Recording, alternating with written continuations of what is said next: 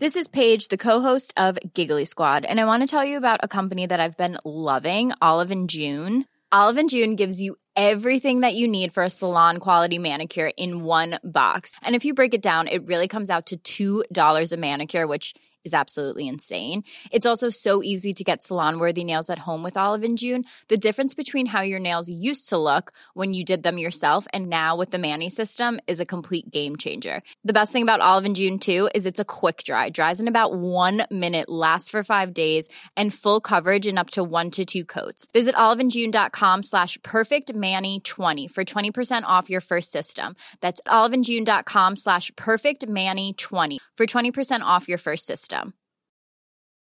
Hey, it's Ryan Reynolds, and I'm here with Keith, co star of my upcoming film, If, only in theaters, May 17th. Do you want to tell people the big news? All right, I'll do it. Sign up now and you'll get unlimited for $15 a month in six months of Paramount Plus Essential Plan on us. Mintmobile.com slash switch. Upfront payment of $45 equivalent to $15 per month. Unlimited over 40 gigabytes per month. Face lower speeds. Videos at 480p. Active Mint customers by 531.24 get six months of Paramount Plus Essential Plan. Auto renews after six months. Offer ends May 31st, 2024. Separate Paramount Plus registration required. Terms and conditions apply if rated PG. Hiring for your small business? If you're not looking for professionals on LinkedIn, you're looking in the wrong place. That's like looking for your car keys in a fish tank.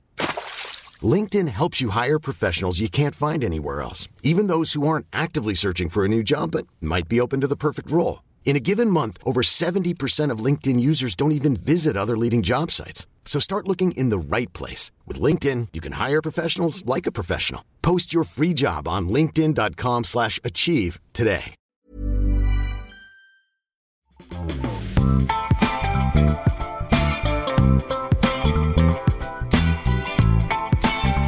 Let's go! Det är måndag! Ny vecka, nya tag, 11 december. Fannevik, god morgon! Hej! Nyhetsshowen heter vi och idag pratar vi om att Johan Floderus från Kungälv åtalas för spioneri i Iran för Israels räkning. Ett brott där dödsstraff finns i straffskalan. Sen kommer jag också snacka lite om mobilförbudet i skolan på lektion och raster Fanny. Aj, aj, aj. Det ska bli verklighet nu. Hoppas det inte drabbar oss. Alla fellow kids där ute. Ingen Vi mer ser er. Candy ser Crush.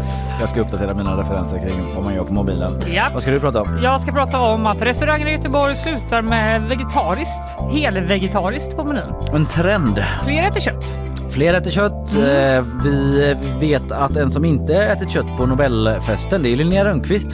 För där var det fisk. Vad var Det är det? ju kött också men inte liksom i Ja, det man brukar kött, mena. kött. Nej. En ju kaxig där- fisk. Ja, en Var kaxig, det? en kaxig torsk till och med. Det ska vi prata med Linnea om, om en, eh, efter åtta. Hon har ju varit på Nobelfesten. Vi vill veta allt. Vem satt hon Ja. bredvid? Dansade hon med någon? Mm. Vad var liksom det vackraste hon såg? Blev hon rörd av den här kaxiga torsken? Blev hon full vill jag veta. Ja, För det var ganska mycket viner här på menylistan såg jag. Du ställer eh, som vanligt de relevanta frågorna Fanny. Ja. Vi ska också prata med Anneli Moran, eh, vår eh, klimatreporter där på GP, direkt från Dubai och COP28. Hur går det egentligen med att fasa ut de fossila bränslena? Inte så bra vad det verkar. Åh nej! Det motarbetas av OPEC har vi fått veta under helgen bland annat. Sen blir det bakvagn. Jag tänkte ta er alla med en liten sväng till Shane McGowans begravning som utspelade sig i Irland nu i helgen. Tårdrypande scener Fanny. Ja, jag har Musiken. noterat. Jag, jag är så lättrörd. Ja. Så jag har inte klickat.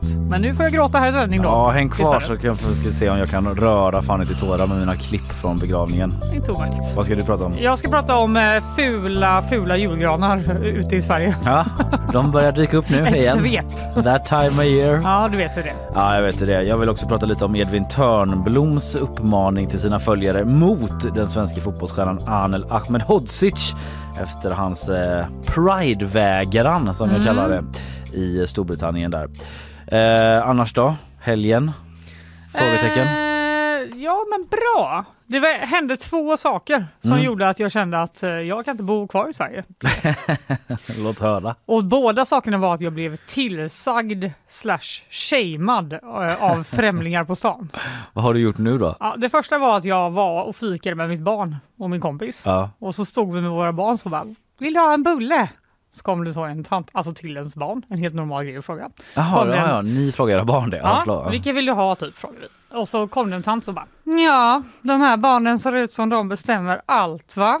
Det är de som bestämmer allt här i världen. Jag bara, eh, nej Vad är men... det med deras utseende som, eller var det bara för att de hade bullar då? Eller vad Ja, menade ja, hon? ja men typ att de skulle, skulle få välja en bulle. Ja. Så tyckte hon så här.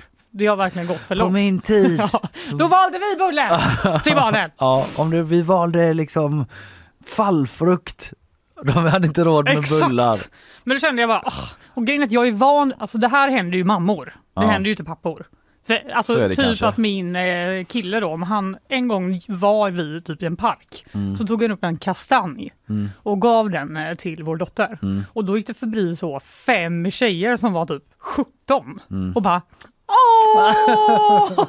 Världens bästa pappa. Jag bara, skämtar du med Han mig? bryr sig verkligen. Alltså varför? Jag blir så jävla sur. Och Ja, det, men Samtidigt går det förbi en tant som bara Lägg undan de där kexen!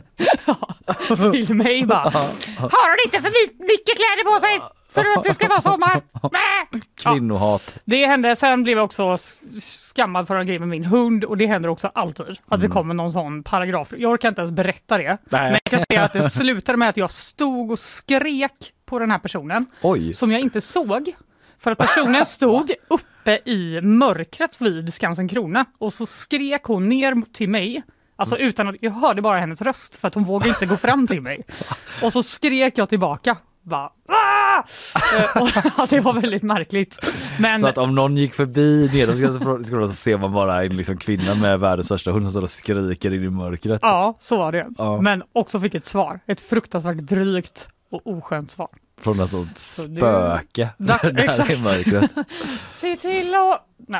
Ja. Eh, men skitsamma, vi ska inte gå in på det för då kommer säkert någon bara... Nej, nej, nej, nej. Jag vill Men, ändå eh, höra mer sen. Jag ska berätta, efter för dig sen. Men eh, det går inte att bo i det här sjuka, sjuka landet igen. Det är det enda jag har att säga. Men, Men, men, men jag har inte hänt så mycket. Jag har ett, ett, som du ser ett plåster på tummen i en julmusterrelaterad eh, skada. nej. Korken satt så hårt och jag vred och jag vred och till slut så lossnade triggervarning. Men lossnade liksom en, en Nej, tjock nej, bit skinn.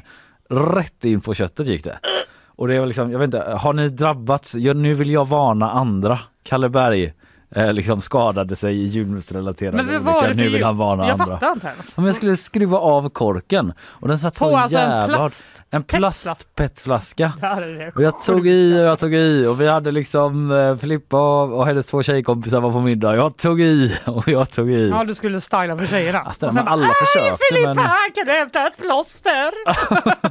Karl skriver att jag har sådana mjuka händer att jag inte liksom gjort ett ärligt handtag i hela mitt liv och suttit och krampat på en dator. Du har bara så på tangent, längst ut på fingertopparna är det lite Där är det hårt. En lättare förhårdnad. Så försöker jag öppna en flaska en gång, hela handen faller av.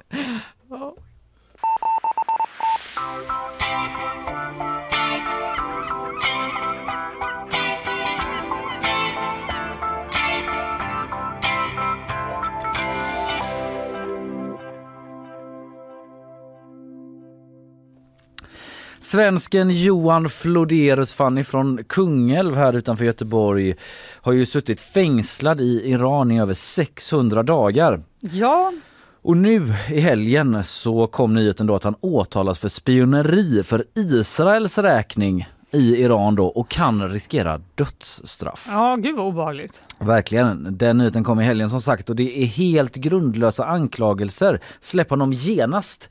Det säger bland andra EUs utrikeschef eh, Josep Borrell om det här. En snabb recap för alla som behöver en sån. Johan Floderus han är alltså 33 år gammal och är EU-tjänsteman från Sverige och Kungälv och han reste till Iran förra året 2022 då som turist. Hans eh, familj har berättat eh, för oss på GP bland andra att han reste till Iran för att hälsa på en vän där. Och eh, när han väl kommer fram så grips han då alltså av iranska myndigheter misstänkt för spioneri.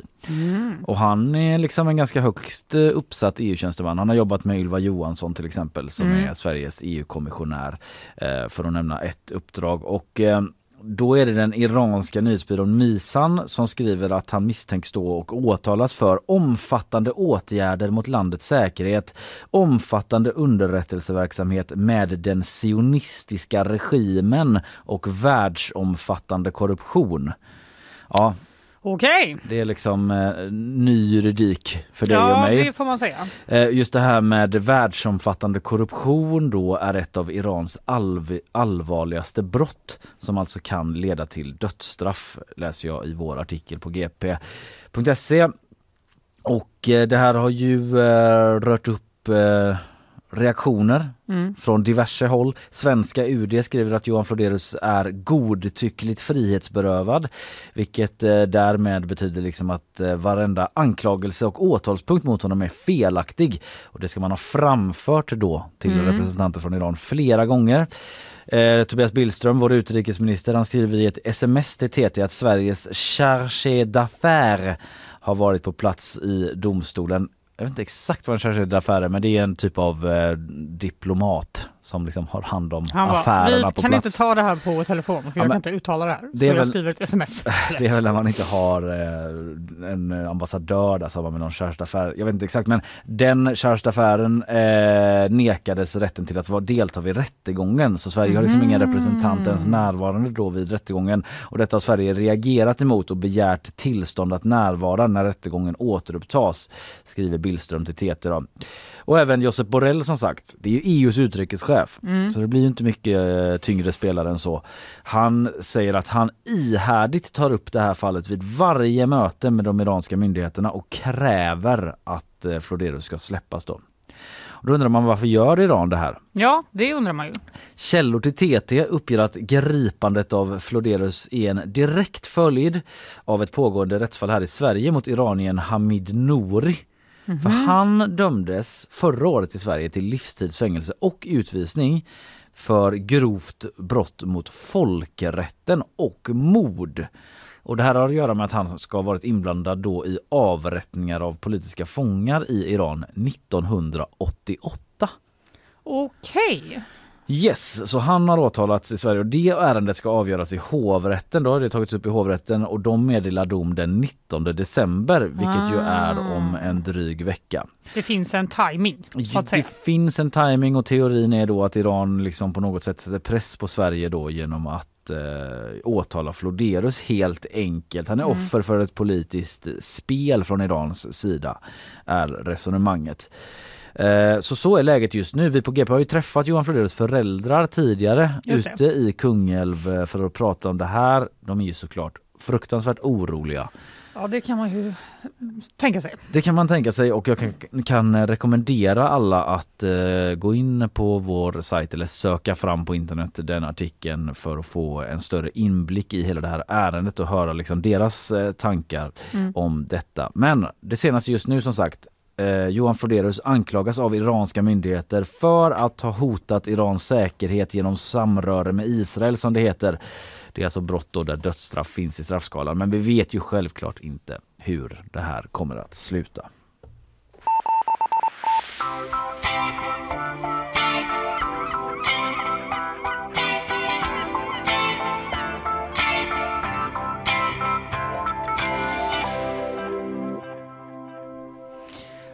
Svenskarna äter allt mer kött igen. De gör det. Ja, vi är, verkar äta så mycket kött att eh, inte ens vegetariska restauranger kan vara vegetariska längre utan också måste servera kött. Berätta mer. Ja, det här är, läser jag i ett reportage eh, Mm. på g.se som är skrivet av Karin Frid och eh, hon skriver till exempel, eller hon börjar texten så här. På sistone har det kanske märkts av i vänkretsen att vegetarianerna börjat prova kött eller lägger till fisk ibland. Har Ja. du märkt detta? Jag vet inte om jag har märkt det. Jag tycker att, eh, jo men jag har märkt det kanske lite på mig själv att liksom den, det gläntas allt mer på köttdörren. Jag har ju haft Mm. någon sorts, eh, liksom, inte ha kött hemma. Just det. Men äta det, det är okej liksom att äta det. Mm. Till exempel på restaurang och sådär. Eh, men att det gläntas lite grann på olika håll Ja, ändå. du känner ändå dig speglad i det här eh, Ja, introt. men jag tycker det ändå. Ni har ju sett, jag är ju liksom en, eh, jag har ju länge varit en skojfärssåskille som Just vi det. säger lite lätt ironiskt där. Men eh, nu har jag ibland gått över till den vanliga köttfärsen då. I min spagetti och köttfärssås som jag äter kanske i snitt fyra av fem veckodagar under året. Ja, det är en fördjupning i sig. Ja. Men eh, det ska vi inte ta idag. Eh, jag har ju själv varit då pescetarian i sju goda år vad det nu är, eftersom jag tycker så mycket om djur som inte är fiskar att jag inte kan med att äta dem. Jag skulle kanske säga att jag en gång om dagen åtminstone tänker på sådana storskaliga slakterier Mm. där kossorna och grisarna är. Vilket gör att jag bara inte skulle kunna fysiskt äta kött. Då blir det ju svårt. Mm, en liten historia från mitt soliga liv. från min lilla hjärna, där jag bor. Men i alla fall, det är, det är ett faktum att färre personer väljer att äta helt vegetarisk eh, kost. Och det här är något som har hänt de senaste åren. Eh, som ett exempel då i den här texten så har vi Göteborgsfamiljen som ju öppnade tre, tror jag, nya krogar där i Kaparen, biografen på Stibergstorget. Ah, det är ju ja, den ja. här Mm. pizzerian och sen är det något litet café och sen var det då den helt vegetariska krogen Ilse Grön Krog. Ja, Eh, en missbedömning var det. Det var säger Eh, Tobias Hamberg som är VD för den här koncernen. det går åt helvete. Ja, men lite, det gick åt helvete, men, eller det säger han inte bokstavligen. Han säger att eh, vår tidigare ambition var att göra så bra vegetarisk mat då att vi skulle kunna attrahera även icke-vegetarianer. Men det Mm. lyckades inte. Nu kommer vi ha något vegetariskt till förrätt och något vegetariskt till varmrätt och liksom bredda det lite ifall det finns en efterfrågan. Och de har till och med då bytt namn på krogen och tagit bort ordet grön. Okej, så nu heter den, vad hette den innan? Nu Ilse grön krog, nu heter den Ilse Ilse, krog. Så att absolut ingen ska tro att det finns en grönsak där inne. Ja, just det. Man bara åker förbi med vagnen där. Ja, grön! Fan! Eh, Jag trodde ju att det var en dansk krog. Ja, det har jag också trott. Ilse grön. Men det var tydligen inte det. För de har ett sånt danskt ö. Exakt, men det var bara att den var vegetarisk. Ja. Som i Danmark. Ja, ja, precis. För där, eh, jag hörde att de inte älskar fläskkött i Nej, Danmark exakt. till exempel. De älskar Mm. inte gris. Men i alla fall, eh, de, eh, han berättar i alla fall för GP att sen de började ser- servera kött igen i september så har krogens beläggning fördubblats. Är det sant? Det är sant. Eh, Han säger att han tror att det helt enkelt inte är lika trendigt med vegetarisk mat längre tyvärr. Kan det vara att de bara tagit bort det danska öet? Jaha, det är inte ett danskt ställe. Jaha, det är bara Eggs Benedict som på alla andra ställen. Ja, exakt. Det kan De faktiskt vara det. Ex Benedict. Exakt. Ja men då så. Vad fan. Hade de det hela tiden? Ja, ja, ja. Eh, det finns också fler exempel i den här artikeln, till exempel då Hagabion. Där i Ja. alla fall jag fick en smärre chock eh, efter pandemin när jag kom dit och upptäckte en kötträtt på Jag såg och rullade sån hel gris typ. Det var typ så det kändes. För att jag var så här, läste menyn bara, lite det bara ragu. Alltså jag fick fråga någon i personalen bara, Mm. är det ragu på kött? Eller är det typ ragu på en svamp? Ja. För det hade jag mer förstått. De bara, nej det, nu har vi kött här istället. Ja, För det har varit vegetariskt länge. Ja, det har, de har ju liksom aldrig skrivit eh, grön på väggen om man säger så. Men Nej. de har ju bara haft vegetarisk mat. Det har liksom suttit i väggarna. Det kan man ändå snarare. säga. Eh, s- nu säger kocken där då till oss på GP att det handlar inte för mig då om vegetariskt eller kött utan om att göra god mat. Och att eh, begränsningar kan vara glädjedödande. Eh, dock så serverar de fortfarande främst vegetarisk mat. Okej. Det kanske är så. En eh, av rätterna som Okej, är kött så och liksom- inte ens varje dag. Det är inte lika kreativitetsbegränsningar eller liksom kreativitetsstörande med typ så 90% begränsningar då. Bara de har den lilla luckan där man kan slänga ner lite köttfärs i ragun. Exakt. Så, ja, då, då känns det, det. roligare för Kan man- eh, Patrik Simonsson. Måla som Picasso med Då den man lilla ja, öppningen. Ja. Eh, han säger dock att fokus för dem handlar liksom inte om kött eller inte kött utan att vara hållbar. Mm. Hållbar mat, eh, lokal, eh, lokalt producerat, eh, odla själv etc. ja, jag förstår. Det finns också två exempel på restauranger som har det väldigt, väldigt tufft men absolut aldrig i livet skulle överväga att servera kött för den sakens skull. Och då pratar vi om Solrosen i Haga och Blackbird, den då helt veganska restaurangen i Sybergsliden. Ja, men då blir det ju lite för dumt Ja. om de skulle börja med kött De, faktiskt. de bara, vi har inte typ något animaliskt ens i vår tvål. Men eh, Nej. så det är liksom inte så att de bara, ska vi ha lite halloumi? Det är liksom nej, nej, nej, nej. Känslan är ju att Solrosen är liksom Göteborgs äldsta vegetariska restaurang. Typ. Det tror jag att du har helt rätt i Ja. faktiskt. Eh, De är dock mer inne på så här, är det verkligen för att folk hatar väggmat så mycket? Är det inte för att det är typ eh, har varit pandemi, lågkonjunktur, folk kanske inte vill äta ute lika mycket etc. De är inte så jättesugna på att haka på den här trendspaningen då Nej. som reportaget bygger på. Det. Och så kan det säkert vara också. Det är ju så. Det är ju svårt att reda ut exakt. Ja, Men det finns eh, statistik i frågan som då eh, är med här i texten. Den kommer från Matrapporten. Det är eh, då någon slags rapport som samlar just statistik, olika trendspaningar och undersökningar om hur svenskarna äter varje år. Eh, Och där kan man helt enkelt se att färre äter vegetariskt minst en gång i veckan än vad de gjorde för bara några år sedan. Jaha. Eh, Även jordbruket har då statistik som visar att köttkonsumtionen ökade med 0,7 procent 2022, vilket väl kanske inte är svin mycket, Nej. men det visar ju på någon slags trend. Ja, det får man väl säga. Mm, så då är frågan, vad beror det på då? Är det bara att eh, alla vill äta mer kött? Nja, så enkelt det verkar det inte heller riktigt vara då va? Får jag gissa? Ja, du får en gissa. teori då. Ja, Så jag kör. ihop. Det är bara att, liksom att alla blivit sådana fatalister nu. Att man tänker att så här, allt är kört ändå. Just det. Det är liksom klimatet, det är krig här och där. Vad gör väl det om jag tar mig en liten eh, oxjärp till exempel? Retro. det var det första du Ja. drog fram. Ja, Sån är jag, lite retro. Kanske inte, alltså lite dystert är det, men inte bara, utan enligt Lennart Welander som jobbar på då kommunikationsbyrån som tar fram den här matrapporten, Mm. så säger han att det är fler personer som vill äta mindre kött, det vill säga fler som flexar, Aha. men då inte helt vegetariska, Mm. utan man kanske äter lite som på Hagabion. Ja. Någon gång i veckan. Ja, men liksom. just det. Ja, men det låter, eh, ja. Ja, för fem år sedan så var det 24 procent som svarade då i deras eh, undersökning att de aldrig äter vegetariskt och nu ligger den siffran på 11 procent. Men de kanske inte äter Ja. vegetariskt varje dag. Det är men sjukt de aldrig äta vegetariskt. Har du liksom aldrig ätit typ en pannkaka? eller, eller jag vet inte. Men det är väl det att man fortfarande tänker att vegetariskt måste vara så. Någon sån konstig linsgryta typ. Ja, Ja, jag måste ha kött för att bli mätt. ja, Då äter man i och för sig pannkaka efter maten. ja och inte det. som middag. så kanske det är sant. Men lite mer dystert finns det också då, för det handlar ju såklart om konjunkturen och dåliga tider. Då går vi tillbaka till det bekväma och trygga, tror eh, Lennart Welander. Och Oxjärpen. det råkar vara kött Ja. Mm. för de allra flesta. Oxjärpen till exempel. I sämre tider äter vi mindre grönt och mer godis, läsk och kött. Mm. Men det billiga köttet som falukorv och pyttipanna och kanske oxjärpar beroende på vem som har gjort dem. Eh, och det intressanta då är att eh, det gröna ätandet fortfarande är större bland unga, säger Lennart. Mm. Kan man Så- tänka sig. Ja, och han vågar sig då eh, också på en liten framtidsspaning. Han säger om jag får spåna så tror jag att fler kommer äta vegetariskt när vi går mot bättre tider igen. Mm. Och folk känner sig trygga. Då vågar de pröva mer nytt. Ja, men då, kan man liksom, då känner man sig inte så jagad ekonomiskt. Då kan man lyfta blicken och liksom Exakt. unna sig att ha typ ett projekt. Ja, Jag exakt. ska verkligen försöka nu jag träna och äta. asiatisk mat Ja. varje dag.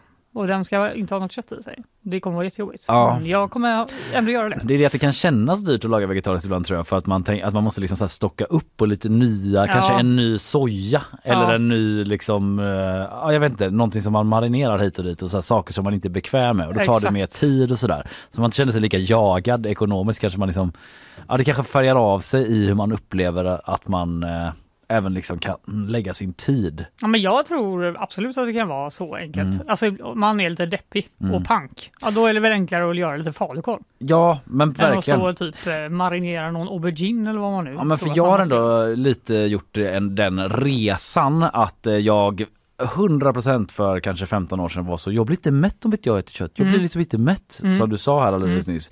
Eh, till att ha liksom börjat eh, flukta på liksom en sån vegetarisk lasagne. Mm. Kanske liksom så här och liksom gått över lite tyngre och tyngre vegetarisk mat så att säga. Eh, inte tyngre men liksom mer, avancer- mer avancerad och då menar jag absolut inte att jag lagar avancerad mat men att man liksom Nej, så här, snarare, fattar. snarare kommit in i det att man inte tycker det är jobbigt för i början är det så jävla jobbigt Ja, att hitta klart. en helt ny uppsättning med recept. Det När man har stått jobbigt. med sin frysta kycklingfilé och liksom, och bacon Exakt. och har, liksom, det är grunden. Det är ju man jobbigt liksom- att ens komma på en enda maträtt att laga någonsin. Exakt. Det är ju jobbigt liksom. Men nu står jag här liksom 15 år senare med en ganska trygg grundvardagsmeny av vegetariska rätter. Mm. Skulle du gå på en hel vegetarisk restaurang då? Eh, men typ helst inte. det är ju där jag äter kött när jag är ute liksom. Exakt. Det är där jag unnar mig. Ja, vi får väl se helt enkelt. Det kanske är som eh, Lennart spanade om att eh, det blir bättre när vi mår lite bättre. Men annars så kanske det blir köttgryta på solrosen till slut. Ja, får se.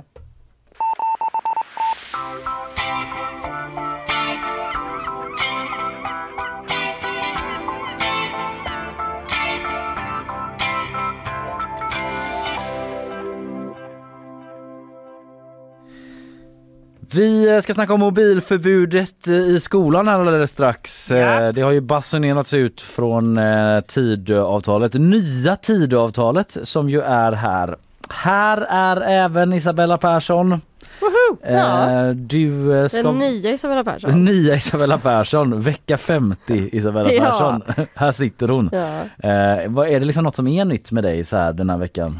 Eh, Som du vill liksom, liksom berätta bara så det är klart? nej absolut. Jag känner mig precis som förra veckan. Ja. Lite mer utvilad efter helgen. Wow, grattis. Ja, men det tar vi ändå då. New and improved Isabella Persson. Ja. Med samma gamla nyhetssvep fast med nya nyheter. Vi slår över i ton och säger varsågod.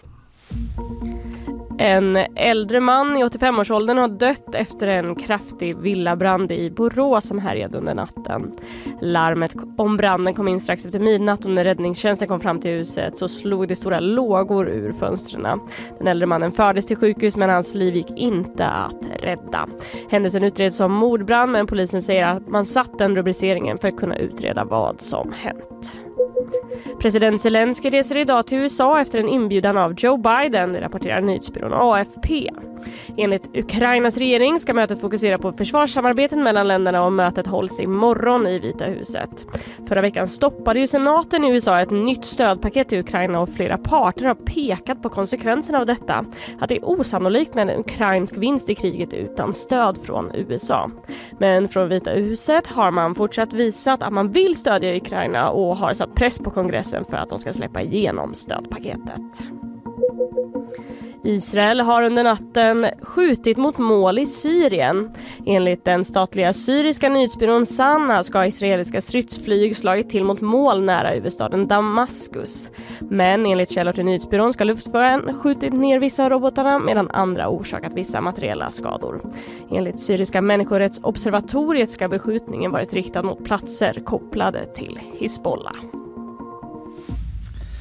Ja, vi kommer prata mer om eh, Israel och Hamas utvecklingen där imorgon. Kommer eh, Elisabeth eller eh, Isabella. Isabella, förlåt. Det är samma som du. Ja, Nej, Kirenbäck hit Ja. som är forskare på GU och ska prata mer om det här. Jag tyckte det är lite, jag tänkte på det du sa när Zelensky, han Mm. ska ju till USA, han är på lite turné nu. Jag såg att han har varit på Javier Milei Han är i Ukraina, Buenos Aires just nu. Ja, i Ja. Argentina ja. Ja, vad sa jag? Du sa Ukraina. Ukraina, men sen sa du. Buenos Aires så man förstod vad du menar. Jag fattar ingenting. Nej men att eh, så här, Zelensky är på Mileis, han ska ju sväras in, Ja, Argentinas nya president Mm. och då är han där. Men då är snacket att han är där kanske mest för att snacka med Viktor Orban som Ja. också är där. Så att det är en sån bara, ah grattis som fan, Men du, grattis som fan. Viktor! du vet att han bara går förbi honom för Jaha. att eh, där har de lite att snacka om med, med stöd till Ukraina och sådär. just det. Ja, Där är, eh, Ungern eh, mm, sätter sig mot EU-stödet. Ja Var det så är det va? Ja jag, tror det- det var det så hela? ja, precis. Så eh, ja, han är ute på en charmoffensiv eh, Zelensky helt enkelt. Ja, det verkar behövas nu. Så eh, ser det ut.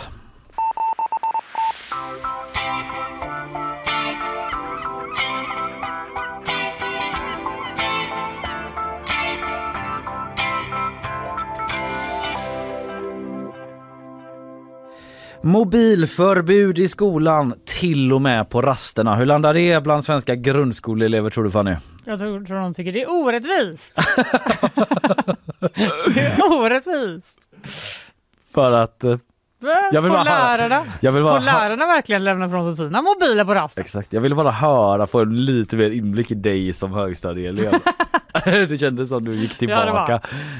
Fy fan. Det är orättvist. Ja, men jag håller med, jag tror att det kan landa sådär men i alla fall den hårda katederstränga sanningen är det i alla fall som kommer nu. Truth bombs från Tidöavtalsgänget. Aj, aj, aj. De är ute nu med sitt stora expansion pack till eh, Tidöavtalet 2.0. This time it's personal.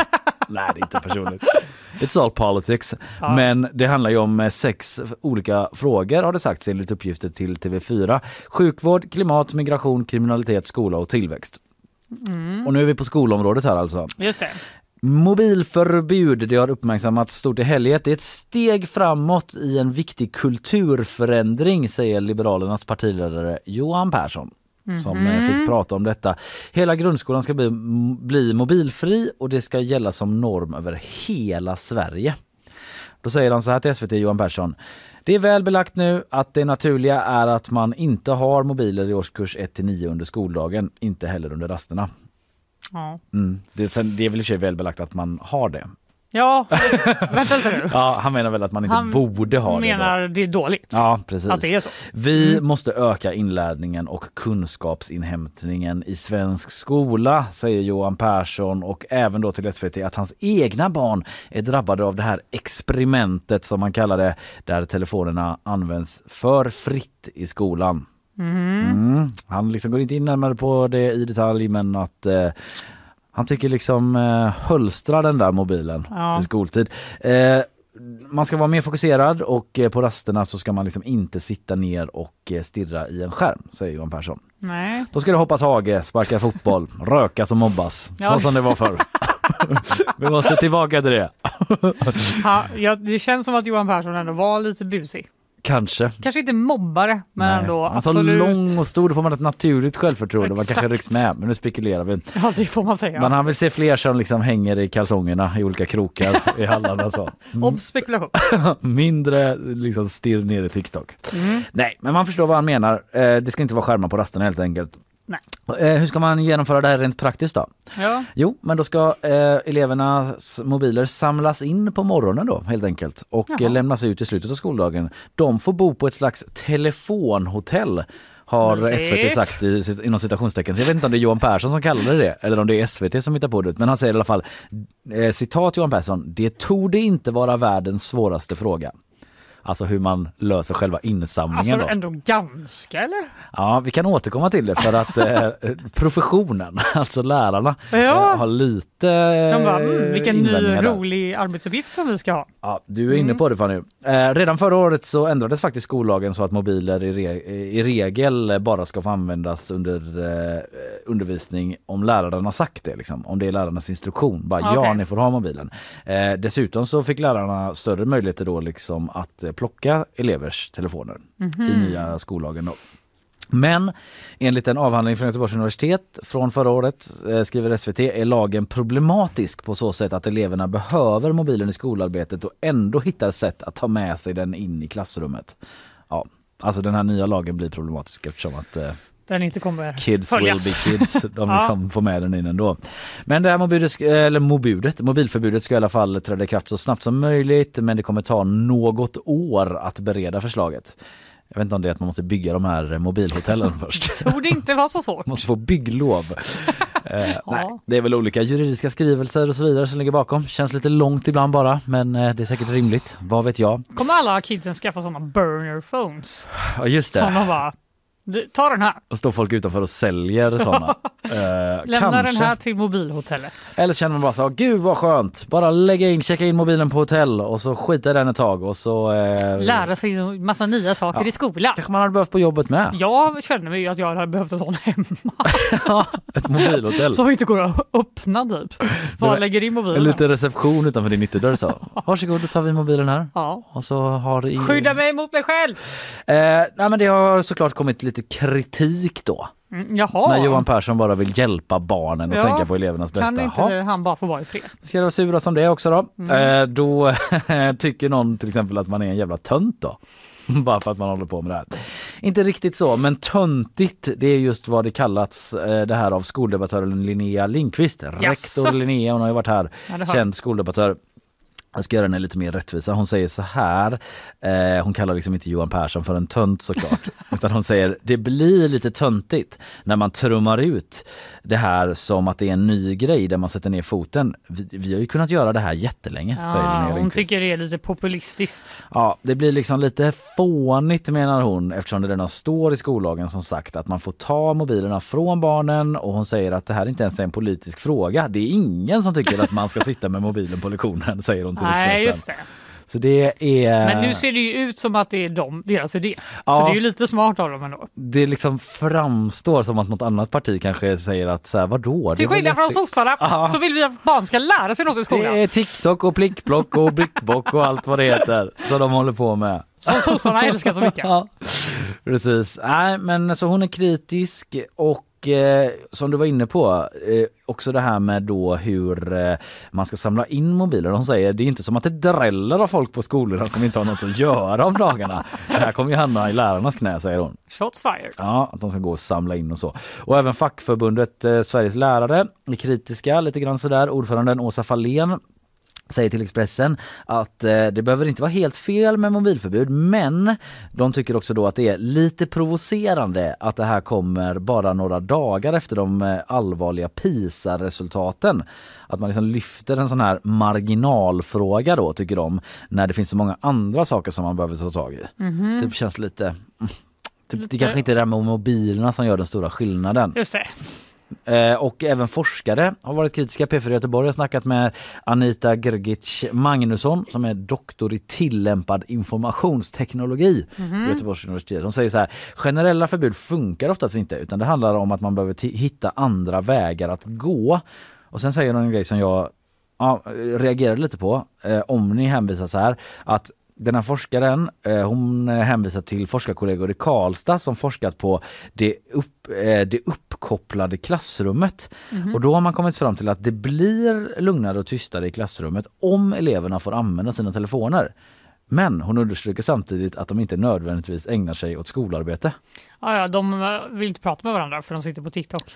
Ja, men också typ i klassrummet. Och då kan man känna så här, det är klart att det blir lugnare om någon Allan Ballan kille sitter på TikTok istället för Ja, att räkna matte liksom. Men de får väl inte så mycket Som gjort. det var när vi var små. Ja. När de bara hängde i någon Ja. gardin någonstans. Gå in på TikTok istället din jävel. Ja, det hade ju varit skönt. Det hade ju varit skönt Vad tyst de blev. Ja, mobiler i grundskolan ska bort i alla fall om det blir som Tidögänget vill. Allt för att stärka disciplinen då i svensk skola.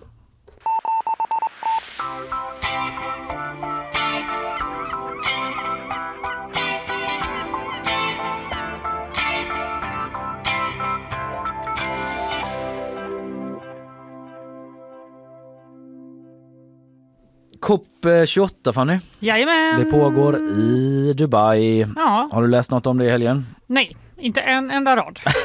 Då är det bra för dig att Kunde vi ljugit ska... för att framstå som en bättre person. Men, Ärlighet eh, vara längst. Nu är det som det. Jag Förutom- behöver Anneli. Det behöver du och det är henne vi ska ringa, vår klimatreporter på GP. Hon är ju nere i Dubai nu och eh, vi ska tala med henne bland annat om det som har eh, varit på tapeten i helgen, nämligen att OPEC-länderna, den här stora oljeorganisationen eller vad man nu kallar den, eh, som har satt sig på tvären vad det gäller att fasa ut fossilt bränsle. Det är ju deras eh, levebröd va, det här med fossila bränslet. Japp. Hur går det egentligen med eh, de här viktiga formuleringarna? Det handlar ju så mycket om det i arbetet kring att fasa ut eh, fossilt bränsle. Det ska vi tala om med Donnelly bland annat. Eh, häng kvar!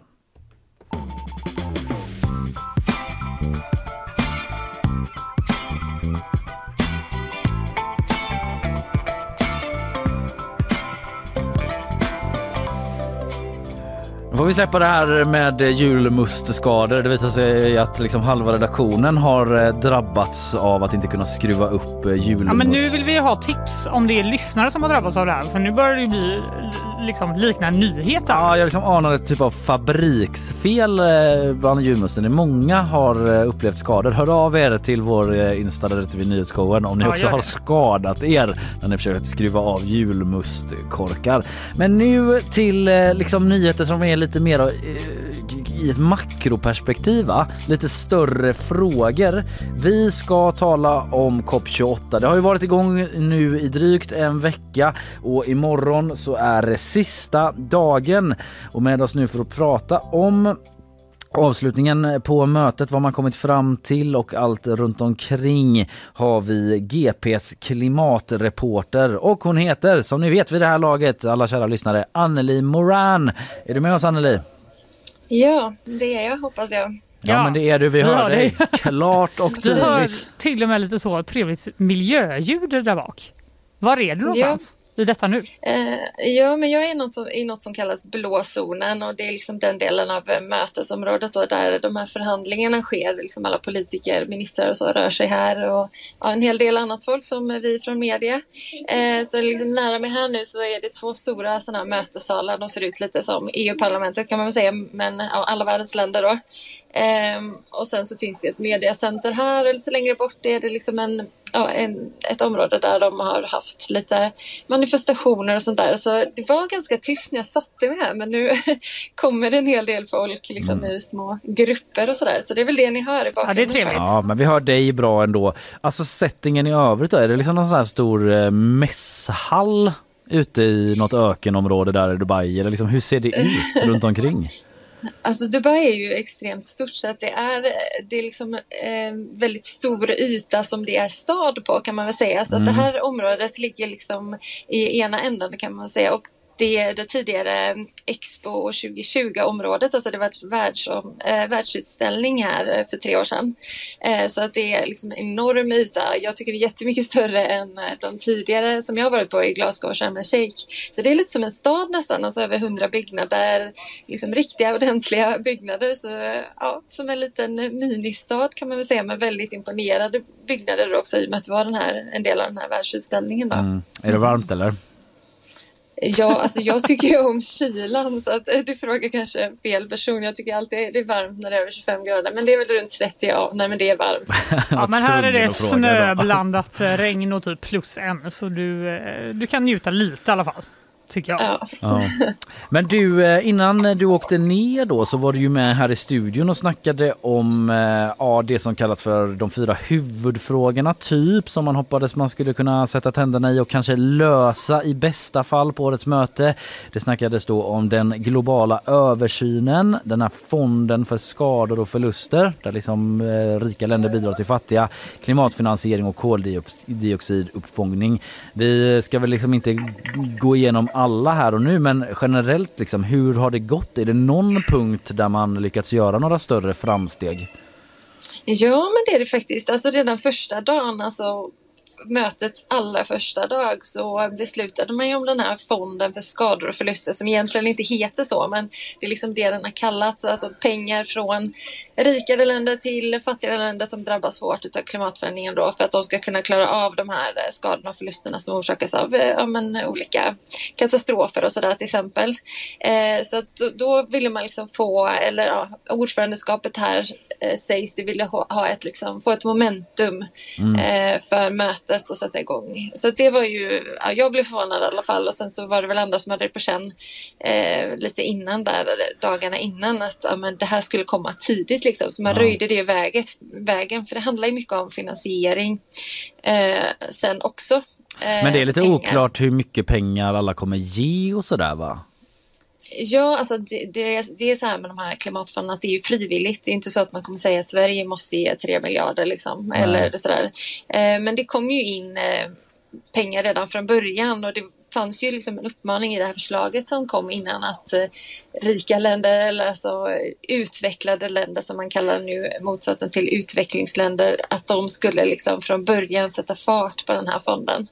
Eh, och, det, och det har ju hänt men sen så, så, så låter det ju alltid så att men, ja, men vi behöver mer pengar och det är klart att det behövs eh, fyllas på. Men, eh, ja, men det var ett snabbt beslut som fattades och sen så Eh, sen så är det ju alla de andra besluten också. Det är väl det de, de fortfarande sitter med nu. Så att det, eh, det, det var precis en presskonferens här för någon timme sedan med Simon Steele som är, ja man kan väl kalla honom FNs chef för eh, klimat eh, ja, klimat där och, och han sa att det har varit väldigt många blockeringar under mötet och eh, everything is on the table vilket betyder att det är ing- de har liksom inte satt ner foten på väldigt många olika frågor. Då. Det låter som det kan bli en lång eh, natt för dem då helt enkelt. För imorgon ska det väl ta slut det här mötet. Eh, Ja, alltså det kommer ju antagligen bli det, men eh, mötet kanske inte tar slut imorgon. Det är ju liksom känt de här kopparna för att eh, dra ut på tiden, så det kan bli en lång natt i natt och en lång natt imorgon och ja, sen får vi se. Klassisk nattmangling ändå att vänta. Men eh, ändå, du sa att eh, ja, men en grej som det har rapporterats mycket kring i helgen är just det här med fossila bränslen då som verkar vara svårt att komma överens kring eh, om man ska fasa ut dem eller inte. Hur, eh, vad är det som har hänt det senaste där och liksom, hur ser debatten ut? Ja, men alltså det är ju en debatt om de här två orden, alltså fasa ut eller fasa ner. Fasa ut betyder väl att ja, men då blir det ju helt stopp liksom, mm. medan fasa ner är ja, men vi kan fortsätta med vissa förutsättningar. Så man ska minska helt enkelt då. Eh, så att det är många länder nu, eller fler länder då i år som liksom vill fasa ut, sätta helt stopp. Eh, men då det finns det ju andra länder, de som har lyfts då är ju till exempel Saudiarabien och Ryssland som eh, snarare vill att man ska fokusera på utsläppsminskningarna än på just eh, eh, alltså fossila bränslen om de ska fasas ut eller fasas ner. Mm -hmm. Mm. Så att ja, det är de här två orden som man håller på och bråkar om för att det sätter ju liksom ambitionsnivån framåt då. Mm. Men det är väl mycket det där att de som liksom, eh, vi hörde ju om Al-Jaber tidigare liksom att han har varit sådär, vi kan inte ta bort eh, oljan och de fossila bränslena helt om vi ska liksom klara den socialt hållbara utvecklingen också, att man är beroende, eller de argumenten hör man väl från de som vill fasa ner, tycker jag mig ha uppfattat. Ja men precis, de argumenten har ju funnits länge liksom, från många olika håll eh, liksom, inom oljeindustrin, alltså även mycket närmare oss. Liksom. Eh, att eh, men man kan inte bara rycka fossila bränslen nu för då blir det kaos. Liksom. Mm. Man måste ha alternativ och vi kan inte göra det nu, vi måste fortsätta plocka upp. Alltså, Norge till och med vill ju fortsätta plocka upp för att om någon ska producera olja så är det de, menar ju de. Liksom. Och det, är väl, mm. det är väl så de flesta menar, liksom, för vi behöver fortfarande olja menar de. Mm. Eh, men, oh. ja, men OPEC, de länderna som ingår i den organisationen, de, eh, OPEC har ju liksom varit i flasharna nu att de har satt sig lite på tvären. Eh, vilka är OPEC och vad är det de säger nu? Ja, men de är ju liksom en organisation för olje, eh, oljeaktörerna där då, och de skickade ut ett brev till sina medlemmar där de i princip uppmanade dem att blockera det här, fasa ut då.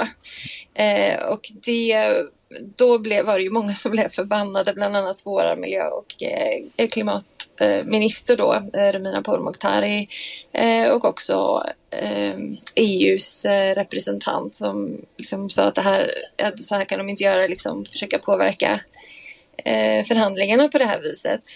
Eh, för att det var, det var ju ett, de menar att det är ett, det är ett steg i fel riktning. Mm. Och EU har ju liksom varit tydliga också, Sverige då, i och med att vi är liksom en del av EUs förhandlingsgrupp, så har ju varit tydliga med att man vill, eh, man vill fasa ut, alltså man behöver gå åt det hållet.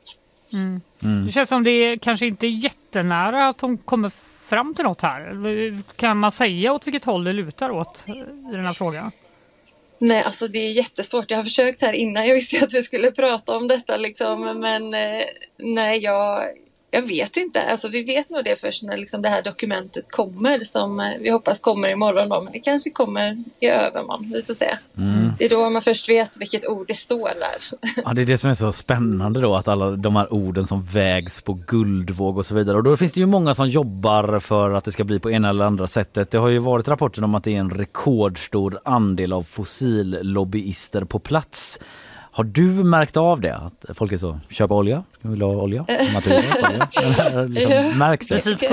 eh, nej men alltså det finns ju liksom sådana utställningssalar som, ja men eh, tänk liksom Svenska mässan på speed, alltså det är jättestort här men det är inte, och där är det liksom en blandning av olika typer av intresse. Alltså till exempel OPEC finns ju där då. Mm. Eh, men ehm, vi, vi har inte hängt så mycket just där ursäkta, men jag frågade vår chefsförhandlare Mattias Primeri då, jag har gjort tidigare också, om, eh, om han tyckte att det här märktes i liksom förhandlingsrummen och hans svar var ju att nej men de här blockeringarna som vi har i förhandlingsrummen, de skulle vi ursäkta, haft oavsett vad vi var. Liksom. Till mm. exempel då att med Saudiarabien och sånt där då att eh, ja, men det spelar ingen roll om vi är här eller om vi är i Glasgow eller ja, det, mm. de blockeringarna finns ändå.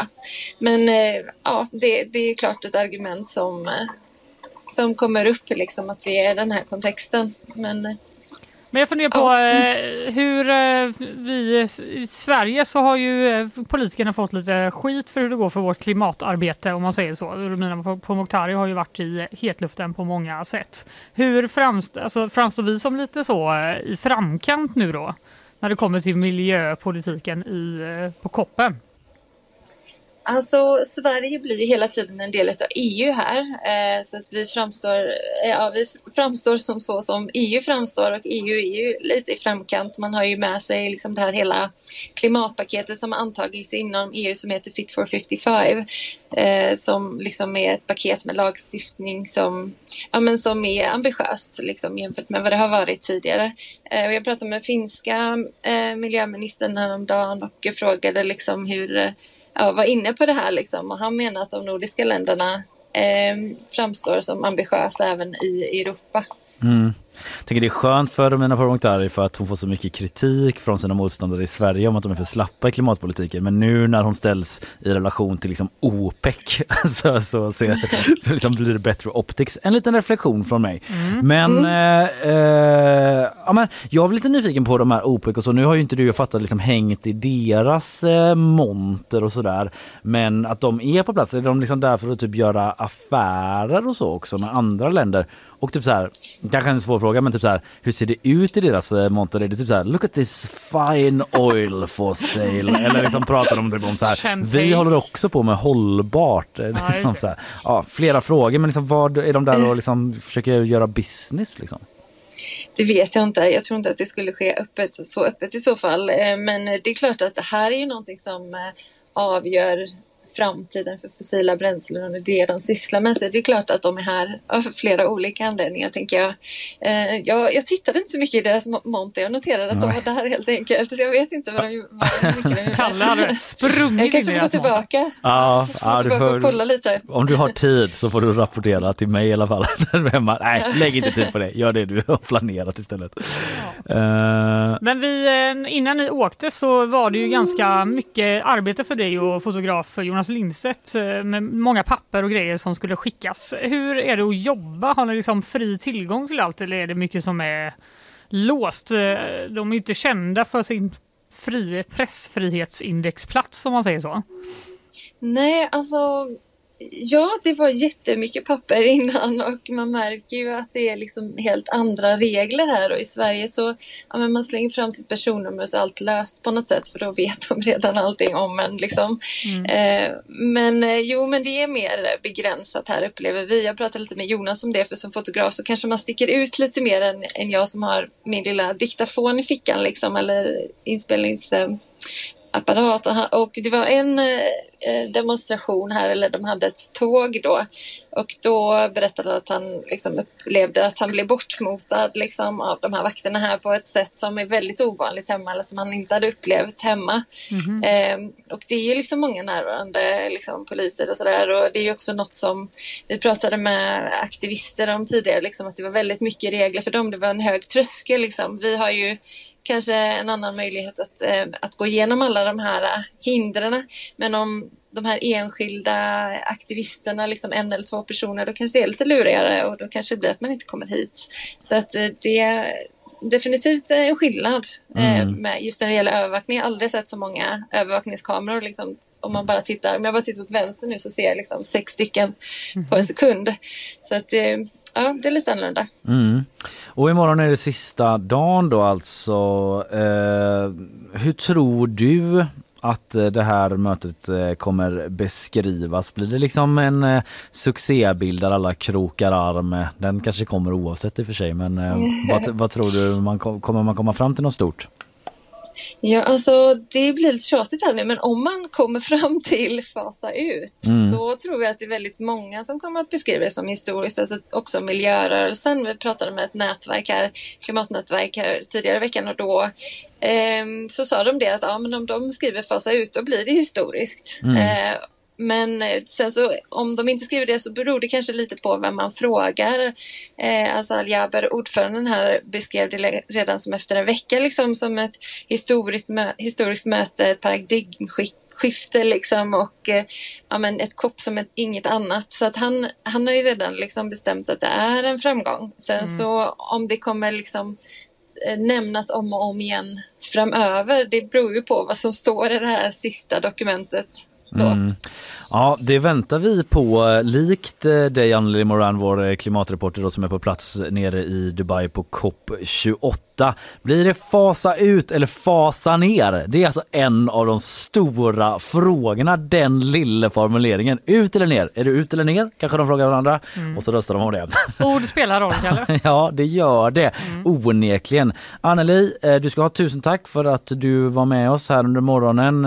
Iväg med dig nu och jobba på med det du planerat under dagen. Mm, tack så mycket. Ha det gott. Hej, vi ses. Hej då.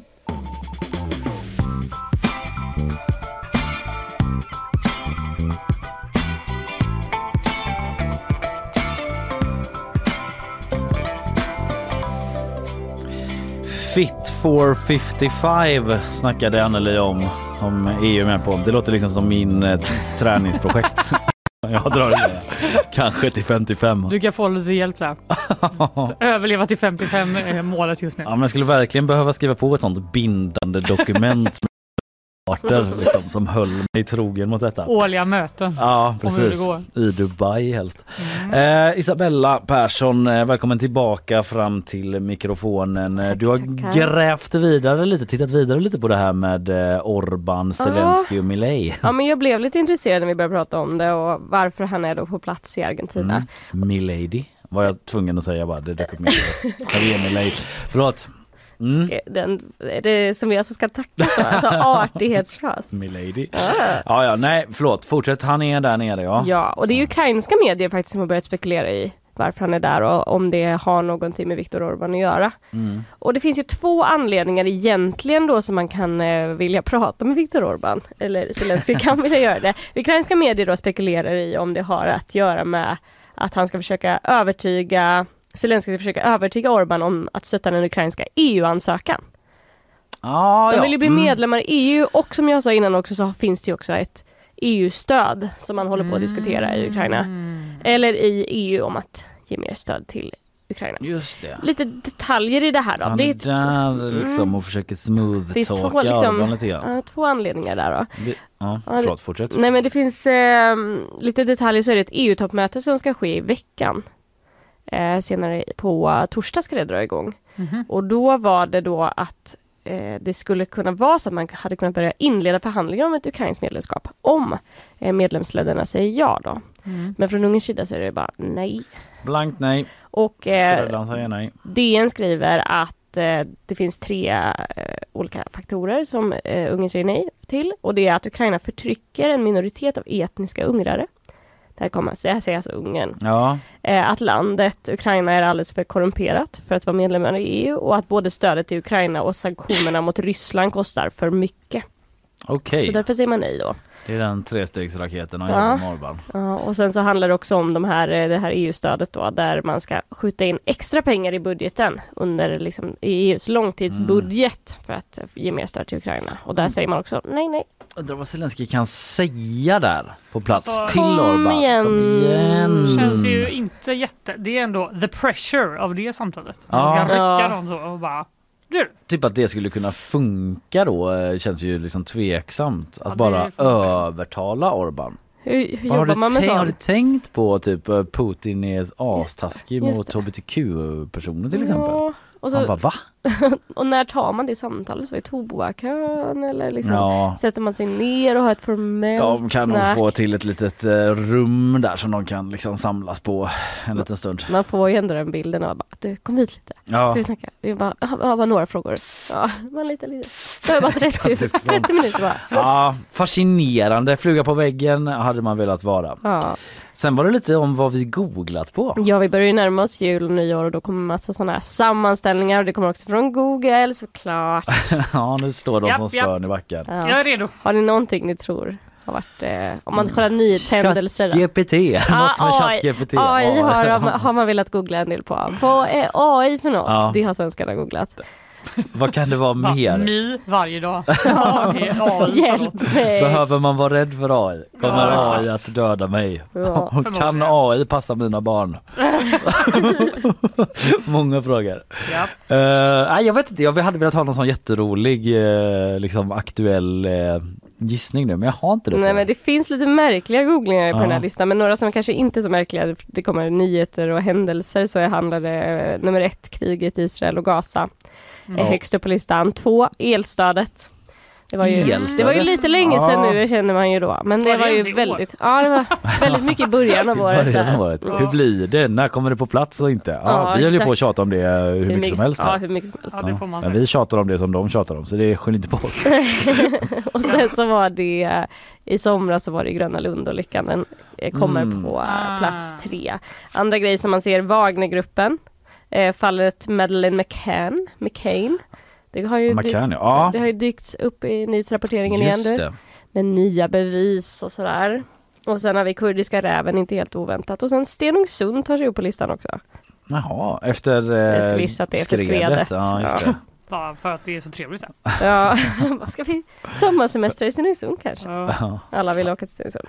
Men alltså, så finns det några kanske lite konstigare grejer eh, för mig som jag inte förstår. Eh, man sätter, Google har ju så här vad, hur och varför-listor också. Mm. Då är bland de vanligaste vad-frågorna som googlats är vad är lyrik? Vad är lyrik? Kan ni hjälpa mig att förstå varför svenskarna har googlat på det här? Ja, varför har man googlat det av alla saker?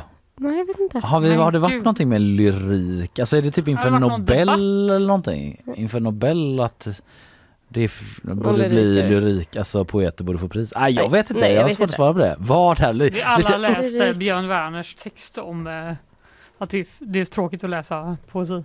Ja, Ja. kan det vara det? Jag tyckte det var lite uppfriskande i alla fall att svenska folket försöker liksom förstå det. Ja, Det kanske är något eh, att det är typ i skolan, att man ska skriva någon uppgift som alla måste göra. just det. Ja. Så I kan det kanske vara. Sverige Mm. och så måste de ta reda på hur man gör. Mm. Ja. Var det någon mer sån? Nu vill jag ha en till. Många har googlat. Hur gamla är Marcus och Martinius egentligen? Okej. Men hur Där gamla är är de tillbaka. då? Det var, vad är lyrik? Är de inte äldre än vad man tror? Eh, Jo, jo säkert. Man säkert. tänker väl att de fortfarande är barn men det har väl gått tio år sedan eh, de var det då. Det är därför alla- 2002. Det är därför alla googlar det här. Så hur gamla är Marcus och Martinus och vad är lyrik? Det liksom ringar in svenskarnas eh, funderingar där Ja. på kammaren de har suttit och grunnat i år då. Vet ni vad? Jag googlar istället sa man till slut. Och, eh, Kanske är det dags för det här mobilförbudet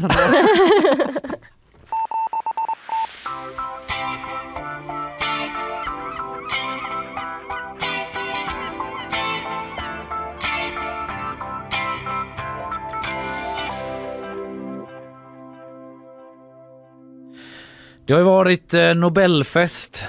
Vi har eh, talat om den eh, kaxiga torsken som serverades. Det har du bättre koll än mig på Fanny tror jag. Ja, men jag bara läste, jag tyckte det var en rolig rubrik som jag läste på Omni. Att Ja. eh, kocken då så var väldigt, eh, han slappnade av efter att han hade serverat en kaxig torsk.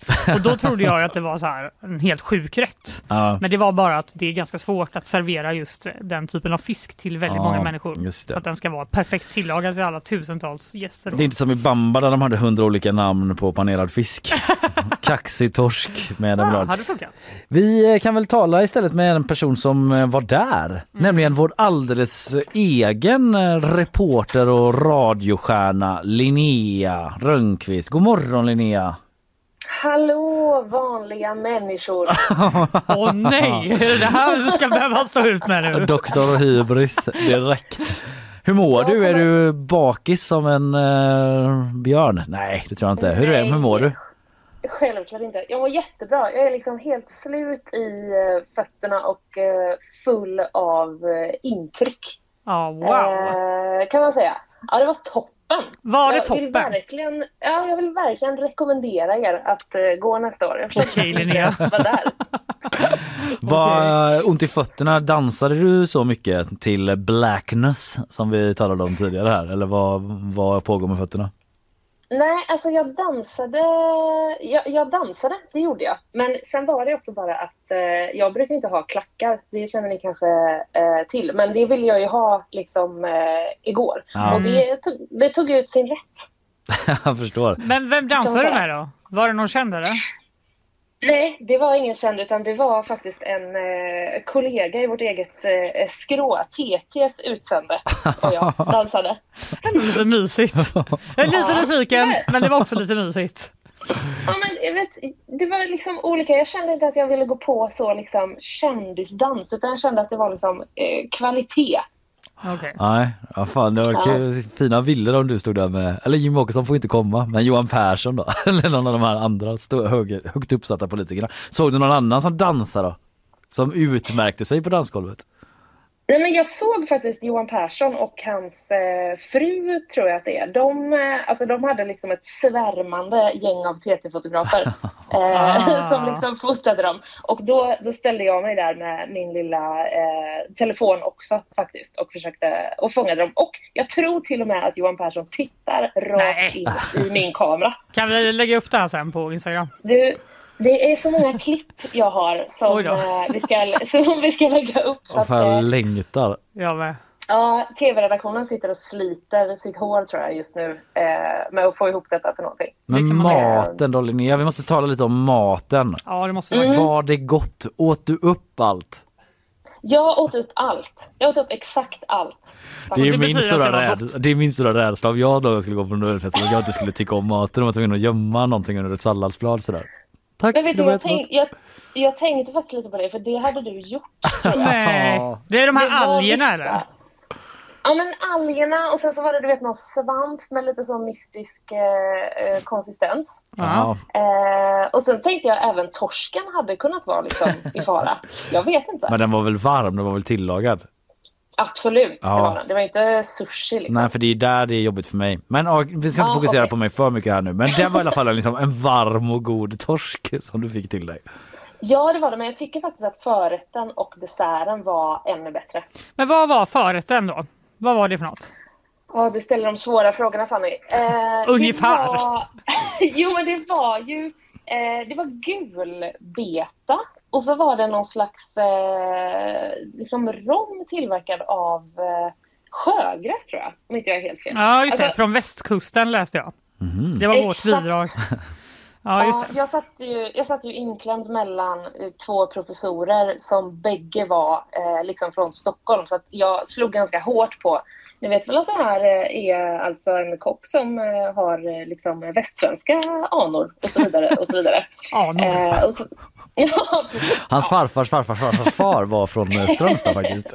Exakt. Han själv är eh, urstockholmare, men det spelar ingen roll. Ja, men den var god och sen så läste jag att det var kära i efterrätten. Och det tyckte jag var lite Du- sjukt. Det, det tyckte jag också var lite sjukt när jag läste det idag på morgonen. Jaha, du kände Eh. inte smaken av kära? Jag kände att det var liksom första tuggan av desserten var det så här, oj, här är det någonting eh, annorlunda. Och sen till andra tuggan fick jag till liksom en bättre kombination av allt. Mm. Eh, och då föll liksom allt på sin plats. Men jag fattade absolut inte att det var kära jag åt. Det låter ju livsfarligt. Ja, men jag har sett att den blivit hyllad, unisont hyllad den här eh, efterrätten. Var den eh, men det- god liksom? Ja, den var svingod. Den var liksom så god så att man var tvungen att typ sitta tyst lite efteråt. Ja, Ja. men på tal om det, hur gick eh, det att snacka med dina bordskavaljerer där och de här, eh, eller vad man säger, de här professorerna? Var det stelt liksom eller var det, hur gick det? Nej, nej men det gick ganska bra för att eh, det var då en professor i organisk kemi och en professor i ekonomisk eh, historia.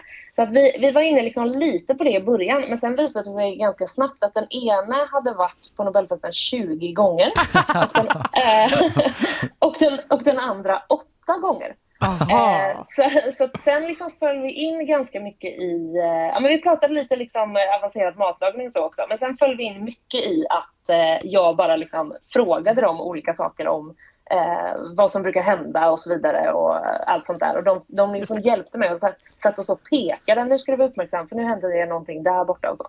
Tror du de tyckte du var jättegullig? Jag hoppas det. Ja, de bara, nu ska vi visa den här amatören hur det går till på en riktig fest. Ja, Du vet att det är kära du vet va? men, Nej eh, men ja, nej säg.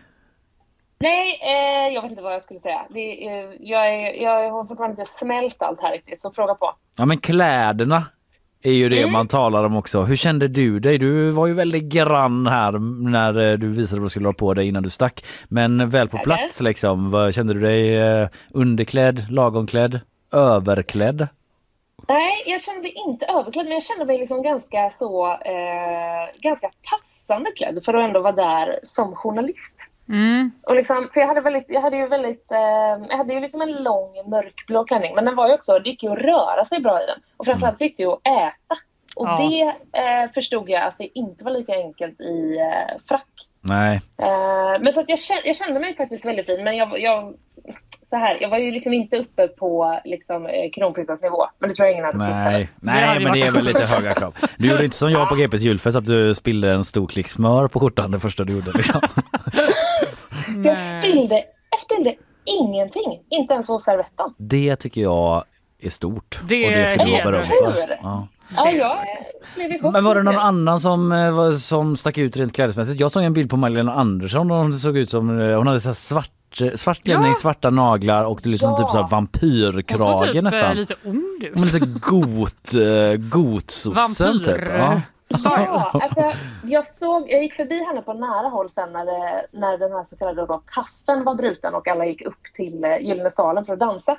Och alltså, jag tyckte det var riktigt snyggt. Jag fick liksom fa- familjen Addams-känsla. ja men eller hur, det var lite Ja. coolt typ att hon, eh, ja. Men det är ju någon bild som går runt nu på eh, Magdalena Andersson, eh, Marta Stenevi och eh, Nooshi Dadgostar där de, har, där de står typ på så gruppfoto och de ser ut som typ superhjältar.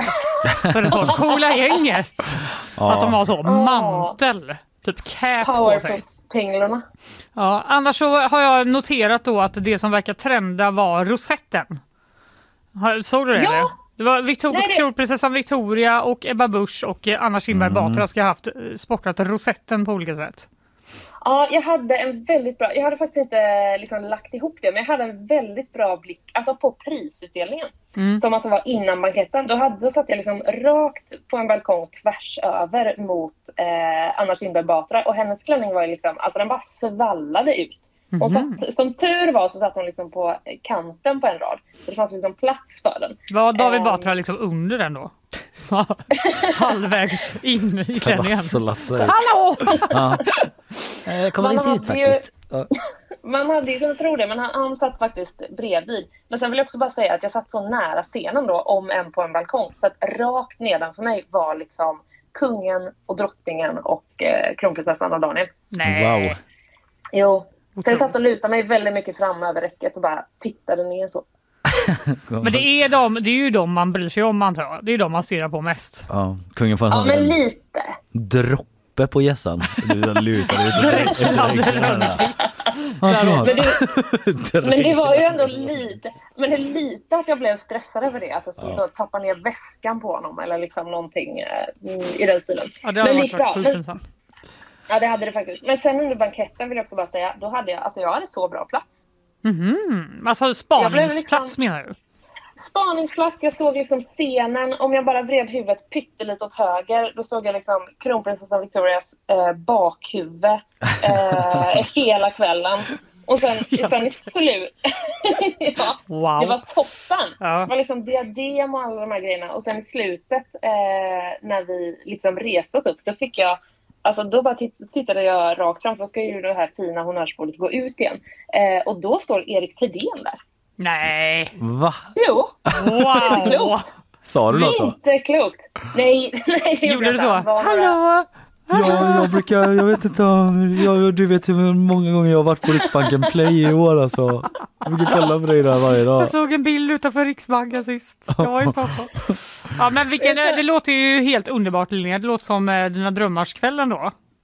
Ja men det var faktiskt toppen och jag kan tänka mig att eh, liksom eh, bli van vid det här. Är det fem fyrar? Alltså, där, jag tänkte på det innan och där eh, måste jag liksom sålla mig till, eh, till eh, försiktighetsgrejen ändå som råder. Så att den får fyra fyra faktiskt. Ja. Vad, är, vad menar du kunde bli bättre? För att den skulle få en femma liksom?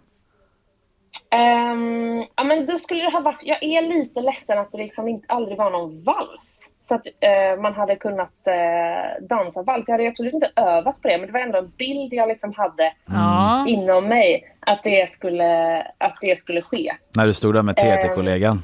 Och hade du redan börjat räkna in? En, två, tre, en, två, Det gjorde jag, det, det gjorde jag redan i lördag. Då började jag räkna på det. Linnea, jag tror du får berätta ännu mer när du kommer tillbaka till Göteborg sen. Finns en viss risk. Du är med oss i sändning imorgon redan ju. Ja. Ja det är jag. Ja. Specialprogram. Och det jag kommer bara rapporterar. Absolut komma ut eh, rörligt eh, bildmaterial på det här på ena eller andra sättet. Eh, så mycket kan vi väl Ja. säga i det här läget. Sen exakt vad det blir Ja. det får vi se men Håll utkik. På. Instagram. Eller hur? Linnea, underbart att höra din röst. Underbart att liksom få upp en bild av din underbara förtrollade kväll när du liksom hänger lutad ut från balkong över kungen och drottningens huvuden till exempel.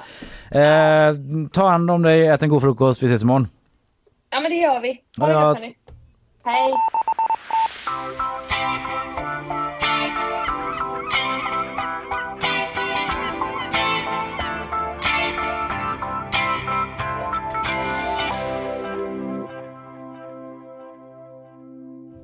Du, Fanny, vi var inne på eh, mat ju. Ja, Nobelfesten. Kära i eh, desserten. sexigt. Ja, eller hur? Eh, kan det vara en del av den här nya liksom machokocktrenden? Inoljade kockar som smiskar sina degar. Detta finns ute på internet just i detta nu, as we speak. Och eh, vi läste alla med stort eh, nöje och behag i fredags en text eh, från eh, Frida Rosengren som brukar vara prata om eh, helgen och sådär. Eh, om att det finns en ny matinfluencer i stan och han säljer sex. Samtidigt som kvinnliga kollegor då kämpar för att inte bli ob- objektifierade. Och vi ska prata om det här nu, den bokstavliga, bokstavligt talat nakne kockens återkomst. Och eh, då passar det ju väldigt bra att eh, till höger om mig så sitter Frida Rosengren. God morgon Frida! God morgon. Du, eh, din text börjar så här. Låt mig läsa högt eftersom jag, det, var så mycket nöje för mig att läsa där. Kommer hem helt desperat, har jobbat som fan, titta på Instagram, sönderstressad av stan och så vidare. Vad var det som mötte dig? Det liksom ser bättre ut i text kände jag eftersom att Per Du Gessle eh, Du, rimmar du ju fan bara på stan. sjungit det. Ja jag vet, jag Eh, vet. Det är skönt att du tog den i alla fall. Det var många under liksom 30 som bara, varför är du helt desperat? Ja, det golvade mig. Alltså det golvar mig, det säger väl någonting om att man blir äldre bara men hur ofta det är som folk inte förstår olika referenser som jag tar för självklara. Ja, som den- flickorna på TV2 Den av Per eh, tog Gessle. jag med, men vi är också jättegamla. Kulturkanon. Hallå. Vad var det som mötte dig där på Instagram? Eh, ja, nej men det som mötte mig var vår nya matinfluens. Det var liksom en muskulös man som knäpper en glansig skjorta och sen så bara eskalerar allt i väldigt hög fart. Det är ett päron som dyker upp, snart är det liksom indränkt i honung, det gröps ur, det liksom smeks och fingras. Vidrigt ord. Eh, och sen är det plötsligt en inoljad kropp, det är liksom en inzoomning på en ådrig enorm arm. Eh, degar knådas, bakmaskinen som jag nu insett är en glassmaskin smiskas. Eh, Den smiskas. Ja. och eh, crescendot är då att allt avslutas med att det här urgröpningen i det rätt fina pocherade päronet med hasselnötsfyllning slickas i närbild. Alltså den här eh, famösa scenen från Call Me By Your Name ligger ju liksom i lä i jämförelse med det här. Eh, Men det som, du, den som du skriver om är alltså The Donut Daddy. Ja, Eller Anthony Rondello John som han då verkar heta på riktigt. Vem, vem är det? eh, ja eh, just eh, Anto- Antonio är en entreprenör och matinfluencer från Australien i 25-årsåldern som på mindre än ett år tror jag har liksom fått över 600 000 följare eh, på sina sociala medier. Där han bjuder då på den här sortens eh, matporr. Han har till och med så här hashtag foodporn. Så det får jag ändå säga. Subtilt. Eh, och det är liksom mycket av detta. Det är citrusfrukter som fingras och ägg som liksom knäcks med hjälp av hans bröstmuskler. Men det är och... inte på Onlyfans där liksom. Nej, det är inte det, men det kanske borde vara. Det Tänk- kanske alltså, kommer bli. Det är Han- typ TikTok, Instagram, Youtube. Ja, precis. Ja, Ja, ja. ja precis. Jag såg det på Instagram Ja, just att jag är det. över eh, 30. Ehm, eh, nej, hans eh, liksom, bio är I know what you need. Eh, apropå ordvitsar. Ehm, men man skulle kunna tänka att det här liksom är ett skämt. Ja. Har många varit samma. Han gör det, det är glimten i ögat. Det här är typ ett underhållningsgrej. Men grejen är att det resulterar i liksom desserter på finkrogsnivå skulle jag ändå säga. Och marknadsför hans egna företag med liksom eh, stor eh, framgång. Eh, som han redan hade innan han kom på att, att sex säljer. Liksom Forbes har kallat det för thirst trap marketing. Ja, Ehm, och eh, ja, hans donut-dessertställen och cateringverksamhet har liksom gått som tåget efter det här. men är han del av liksom en våg av olika sexiga män Ja, som håller på och äcklar sig med frukt och så?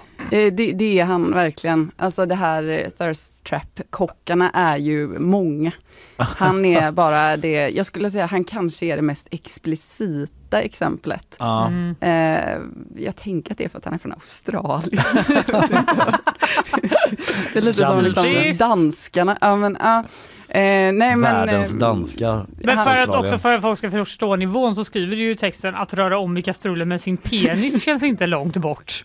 Det är ändå där vi är liksom. Nej men det, det, man vet inte vad kommer komma i nästa klipp.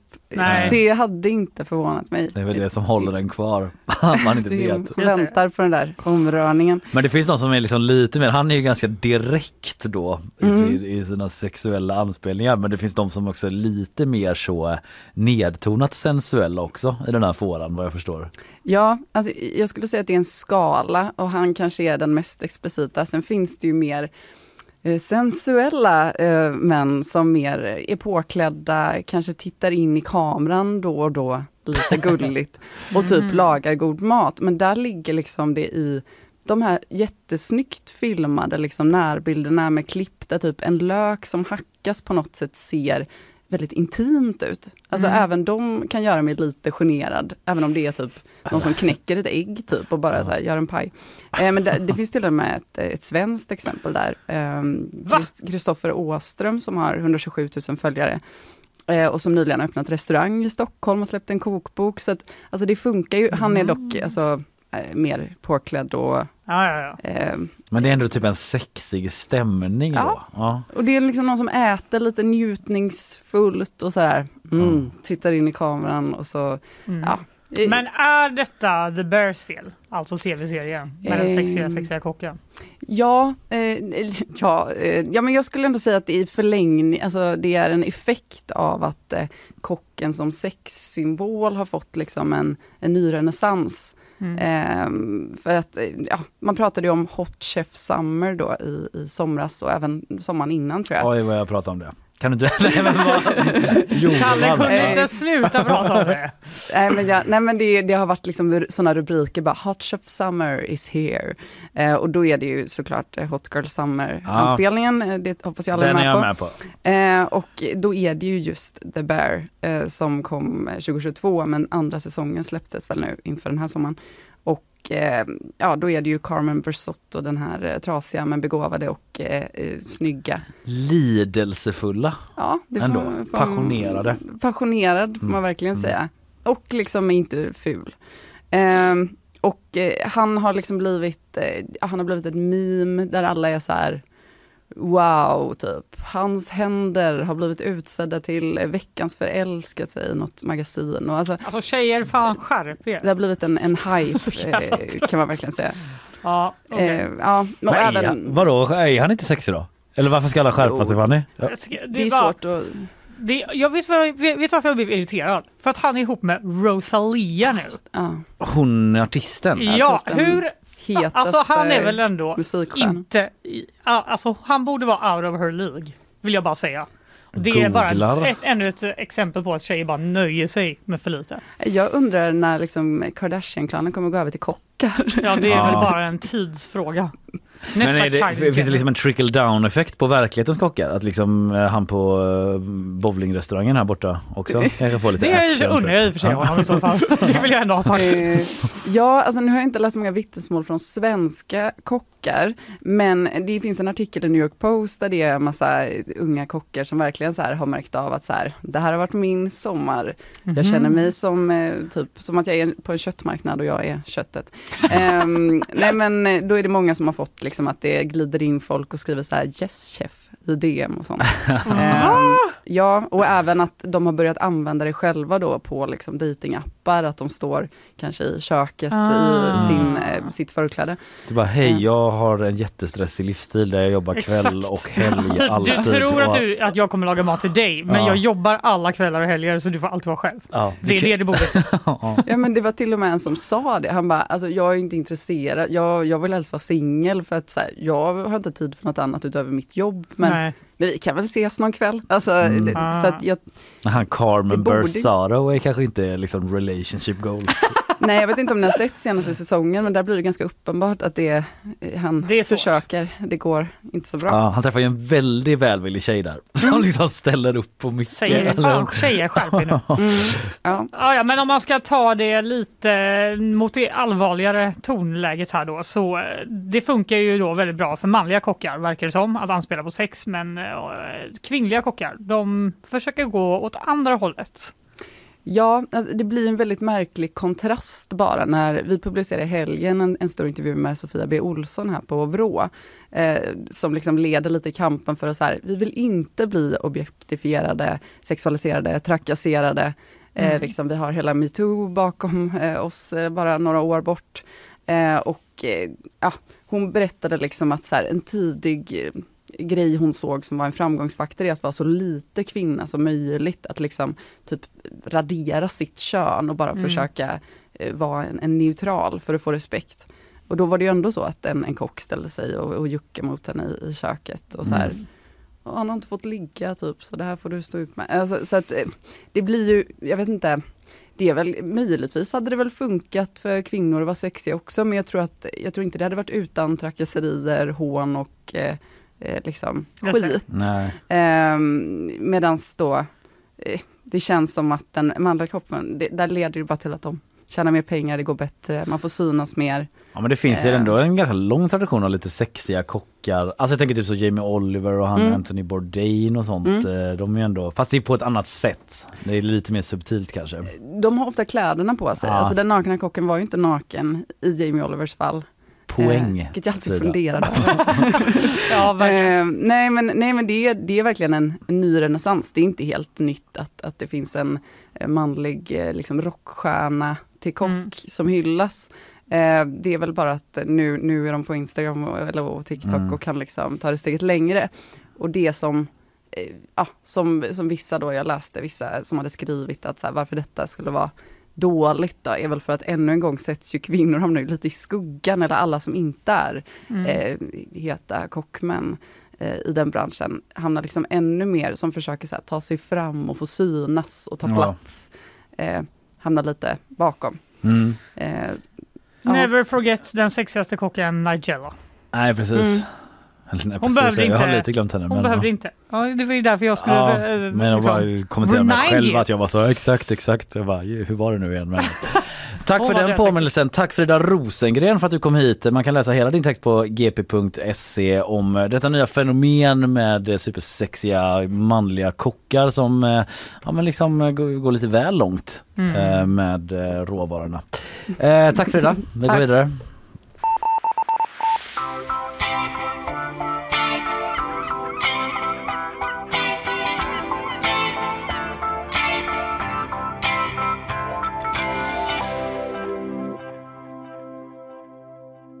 Fanny, jag skulle ändå vilja säga någonting om eh, ett par virala klipp som jag har sett i helgen och det Ta fram då. Ja, ta fram näsdukarna. Sätt er ner liksom. Gör eh, inget eh, för viktigt nu för att eh, Shane McGowan, sångaren i The Pogues, Mm.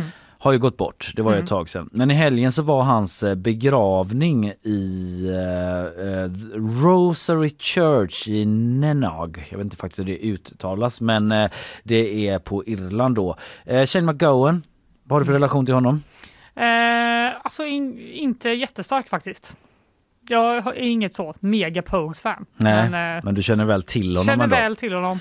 Det känns som att han blev eh, väldigt romantiserad, inte minst i den göteborgska indiescenen. Håkan verkligen. har spelat in Fairytale of New York, Hästpojken har en låt som heter Shane McGowan. Mm. Det var väl så jag fick upp ögonen för honom egentligen. Jag Mm. vaknar och känner mig trött och till och med lite full.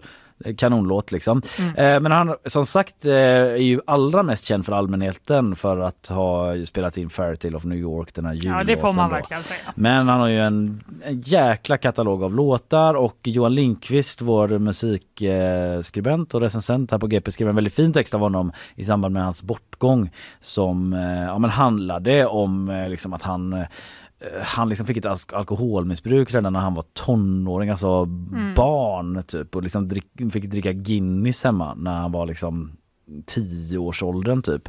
Och eh, att eh, Shane McGowan var mycket mer än Fairytale of New York som Johan skriver då. Ja. Och att han efter flera månader fick lämna sjukhuset och komma hem och dö i stillhet. Det känns trösterikt med tanke på att, hela, att han hela sitt liv försökt skriva, skråla och supa sig lite mindre rotlös, skrev Johan då.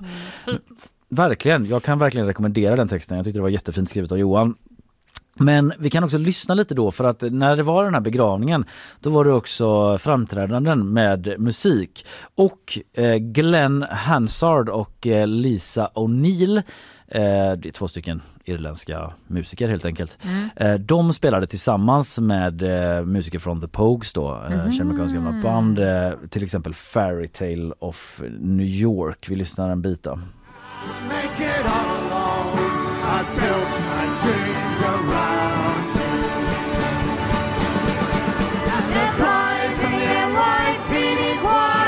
Ris! Vilket! Ring it out! Day. Och här då kan du se framför dig hur de som sitter i bänkraderna i kyrkan hoppar över fram till den lilla Wow. ytan mellan eh, predikstolen och bänkraderna och börjar dansa. Det var, Goals. ja, det var väldigt vackert och fint eh, hela den begravningen. Nick Cave var ju där också. Aha, Annan legendarisk artist. ja det får man säga. Han stämde upp. Och Nej. Det lät så här. And you're the measure of my dreams. The measure of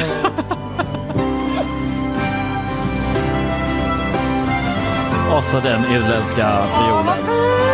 Ja, det är faktiskt otroligt. Han sjöng alltså A Rainy Night in Soho då tillsammans eh, med band där i kyrkan och eh, Johnny Depp var där också och eh, höll, eh, ja lite sordin på stämningen nästan men eh, han eh, höll i bön, ledde liksom bönen. De sjöng, eller de läste tillsammans då. Aha. Eh, De var tydligen eh, vänner. Och eh, familjen var ju där såklart och eh, tackade alla som vårdat Shane McGowan och besökt honom under hans tid på sjukhuset. Alla som kände Shane visste att han hatade begravningar. Han gick sällan. Han ville inte prata om att han själv skulle dö men han levde så nära klippkanten att han riskerade att falla över många gånger.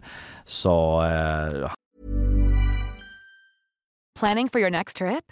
Elevate your travel style with Quince. Quince has all the jet setting essentials you'll want for your next getaway, like European linen, premium luggage options, buttery soft Italian leather bags, and so much more. And is all priced at 50 to 80% less than similar brands. Plus, Quince only works with factories that use safe and ethical manufacturing practices.